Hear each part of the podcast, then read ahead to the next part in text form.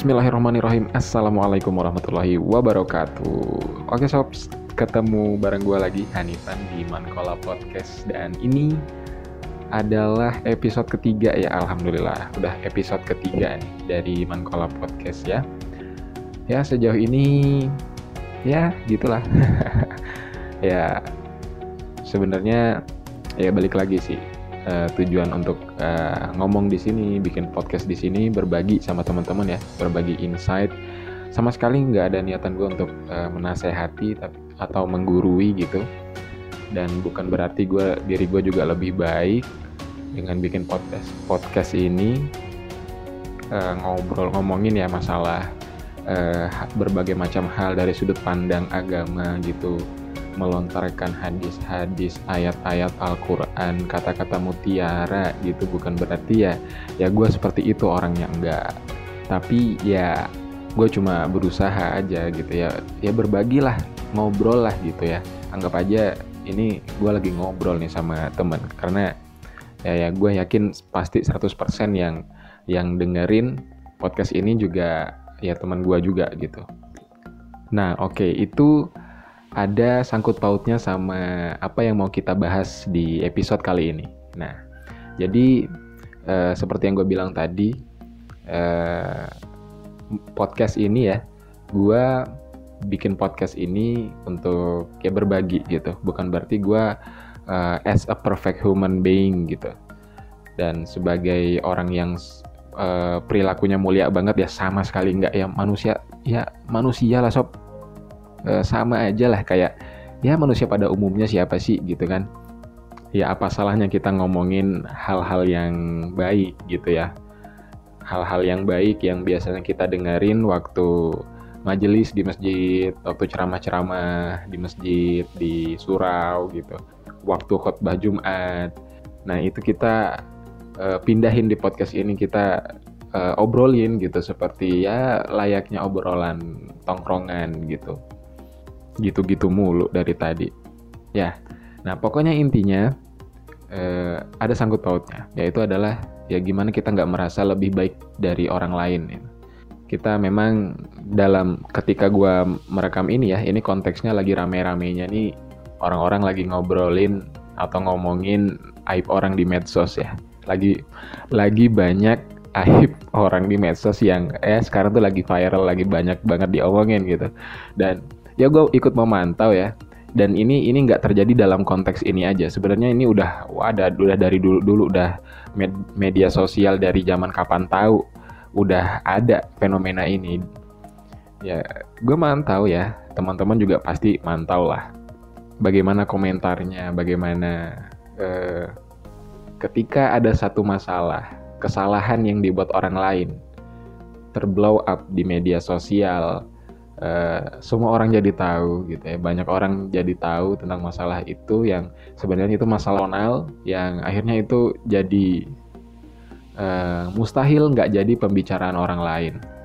Karena ya memang itu adalah sesuatu apa pun itu ya apa pun yang terjadi. Dan dalam kasus apa pun gue mengeneralisir aja nih. Nggak nggak spesifik di satu kasus kasus apa pun itu yang di luar dari kebiasaan kita dan memang menjadi konsensus atau kesepakatan bahwa hal yang dilakukan itu bukan hal yang baik di dalam norma e, lingkungan kita itu bakal e, menimbulkan persepsi negatif atau e, ada penolakan dari orang-orang.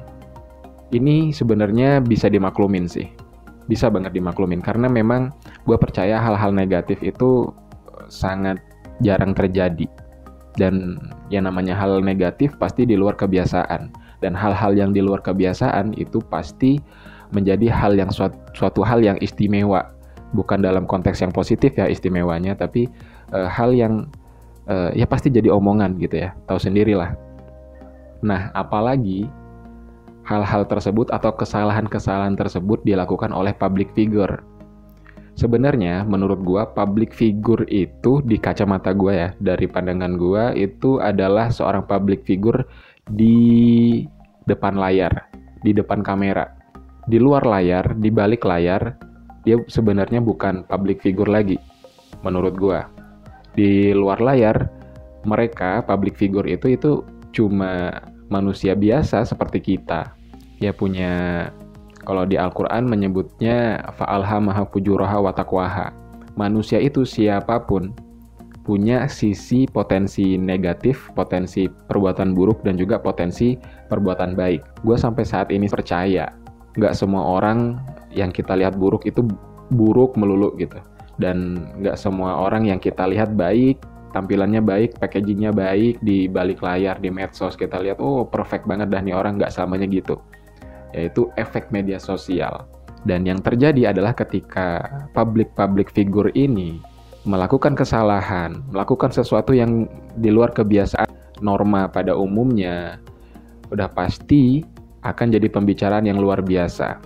Karena menurut sebagian orang, public figure itu harus memberikan contoh yang baik karena mereka ditonton oleh banyak orang. Berbeda kayak gue misalnya, gue bukan public figure, jadi ketika gue berperilaku kurang baik gitu ya, naudzubillah, perilaku jelek gue eh, dilihat orang lain gitu. Ya mungkin nggak bakal serame ini. Lihat program-program televisi yang kriminal-kriminal gitu ya, yang begal, yang copet, jambret, yang uh, naudzubillah membunuh orang gitu. Ya paling-paling banter disamarin namanya jadi mawar gitu, jadi melati atau jadi cincau gitu dan diburemin, diblur mukanya gitu ya.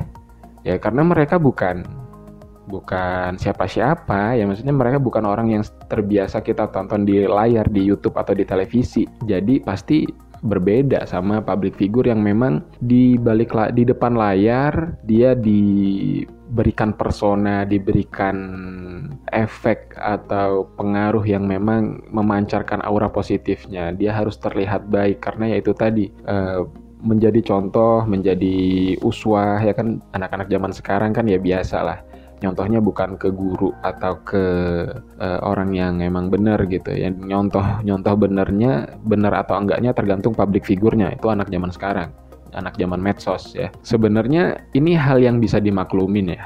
Ya judging terus kemudian penghakiman bullying terhadap uh, public figure yang kasusnya atau yang ternyata aibnya itu terbongkar dan uh, terlihat di media sosial sebenarnya itu bisa dimaklumin. Public figure itu adalah gue yakin itu adalah resiko public figure meskipun gue nggak pernah jadi public figure dan nggak akan pernah mau jadi public figure. Itu adalah resiko itu adalah sunatullah mungkin ya. Ya iyalah lu ditonton banyak orang terus lu kelihatan punya aib pasti jadi omongan.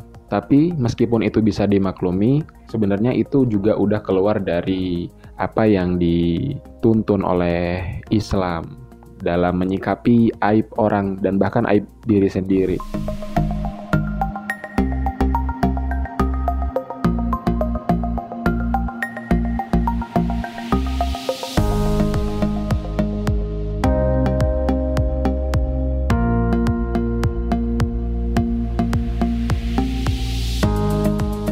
Gua yakin ya, nggak ada orang yang mau untuk terlihat aibnya di depan publik apalagi jadi bahan omongan nggak mau. Dan itu pasti terjadi juga sama public figure yang memang mereka punya risiko itu tapi mereka pasti nggak mau terlihat. Ya mereka pasti menyadari mereka juga manusia biasa. Kejelekan-kejelekan perilaku-perilaku buruk juga bisa menimpa orang lain bukan cuma public figure aja. Nah, mirisnya adalah ketika kita menjudge, kita menghakimi, kita uh, membuli orang-orang lain yang perilaku buruknya kelihatan, seolah-olah kita yang menjudge ini udah ya udah paling bener gitu lah. Ya maksudnya gini sob, lu sadar lu bukan manusia sempurna juga sebenarnya. Tapi mungkin yang bisa jadi argumen orang-orang itu adalah mereka bukan orang yang sempurna tapi seenggaknya mereka nggak melakukan hal itu gitu. Karena hal itu adalah hal yang memalukan. Hal itu yang gue maksud adalah pokoknya ya lu tau lah perilaku buruk lah. Gue nggak mau menspesifikasi perilaku buruk yang seperti apa. Kita udah tahu lah perilaku buruk itu yang mana aja yang seperti apa aja. Yang menjadi landasan argumennya adalah ya gue bukan manusia sempurna. Gue juga banyak dosanya gue juga banyak salahnya banyak aibnya. Tapi paling enggak gue nggak melakukan dan aib gue bukan seperti yang dia lakukan gitu. Ini sebenarnya nggak bisa jadi pembenaran juga. Ini cuma cuma jadi pembenaran aja gitu sob ya kembali lagi dengan apa yang diajarkan dalam Islam kita harus menutupi. Menutupi itu gimana? Yang maksud gue nggak usah dibicarakan. Kan ketika lo mengomentari misalnya di komentar IG-nya seseorang atau IG-nya public figure yang lo ngata-ngatain di situ kalau dia terlibat kasus ini atau melakukan perbuatan ini itu kan berarti lu mempublish, lu mempertontonkan. Dengan lu mengata-ngatain lu lu berasa lu superior, lu nggak melakukan hal itu dan dia melakukan itu, lu merasa lebih baik dari dia, atau mungkin wah kecewa kok dia melakukan hal yang seperti itu sih gitu. Ya itu berarti tandanya lu menunjukkan ke orang lain ya kan otomatis ketika lu berkomentar komentar lu kan juga dengan harapan komentar lu pasti dibaca sama orang lain. Kalau lu nggak berharap komentar lu dibaca sama orang lain, lu nggak mungkin komentar, lu pasti DM dong. nah, itu dia. Tapi apakah dengan seperti itu, dengan menyadari bahwa ya sebenarnya kita sama aja sama uh, public figure itu kelakuannya, sama-sama punya dosa, sama-sama punya potensi berbuat salah. Iya, tapi bukan berarti kita nggak boleh mengingatkan. Justru dengan seperti itu kita harus mengingatkan. Tapi dalam hal ini gue menekankan bahwa ya kita harus sadar kita punya potensi yang sama untuk berbuat salah dan sebenarnya kita nggak berhak sama sekali untuk mengata-ngatain atau berkomentar uh, di depan ruang publik kan media sosial kan ruang publik ya tentang masalah yang uh, sedang menimpa atau perbuatan yang dilakukan oleh uh, siapa pun itu, entah public figure atau bukan. Itu bukan hak kita, itu bukan domain kita. Kalau mau mengingatkan secara personal dan dengan perkataan yang baik, dengan cara yang baik ya.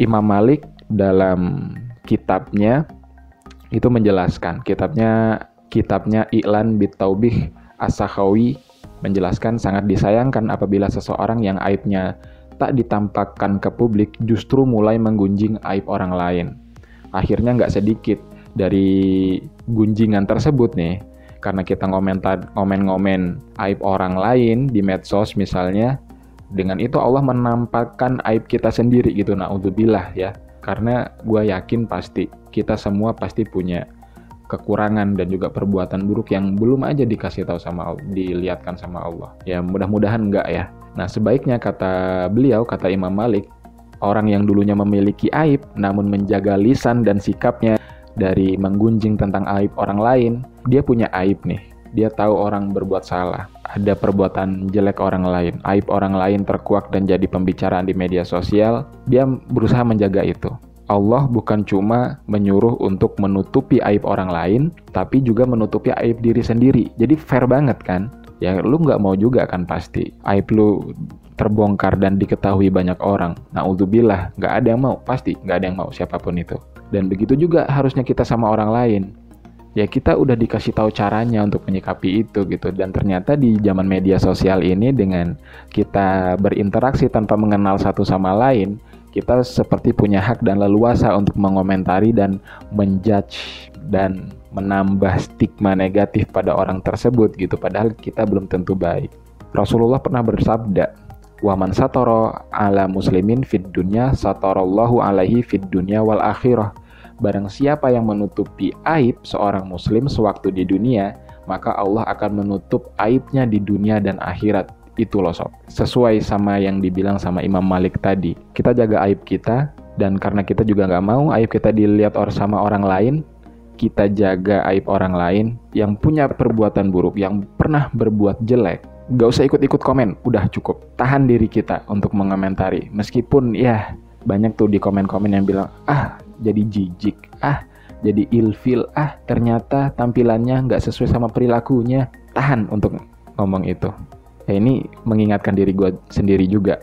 Kita boleh saling mengingatkan, kita harus terus saling mengingatkan, kita harus selalu uh, saling menguatkan dan mengajak dalam kebaikan dan uh, menjauhkan diri dan kerabat kita dari hal yang buruk, tapi Allah Subhanahu wa taala selalu punya cara dan selalu mengingatkan untuk melakukan hal tersebut harus dengan cara yang baik dan lisan yang baik. Oke sob, terima kasih udah mau dengerin.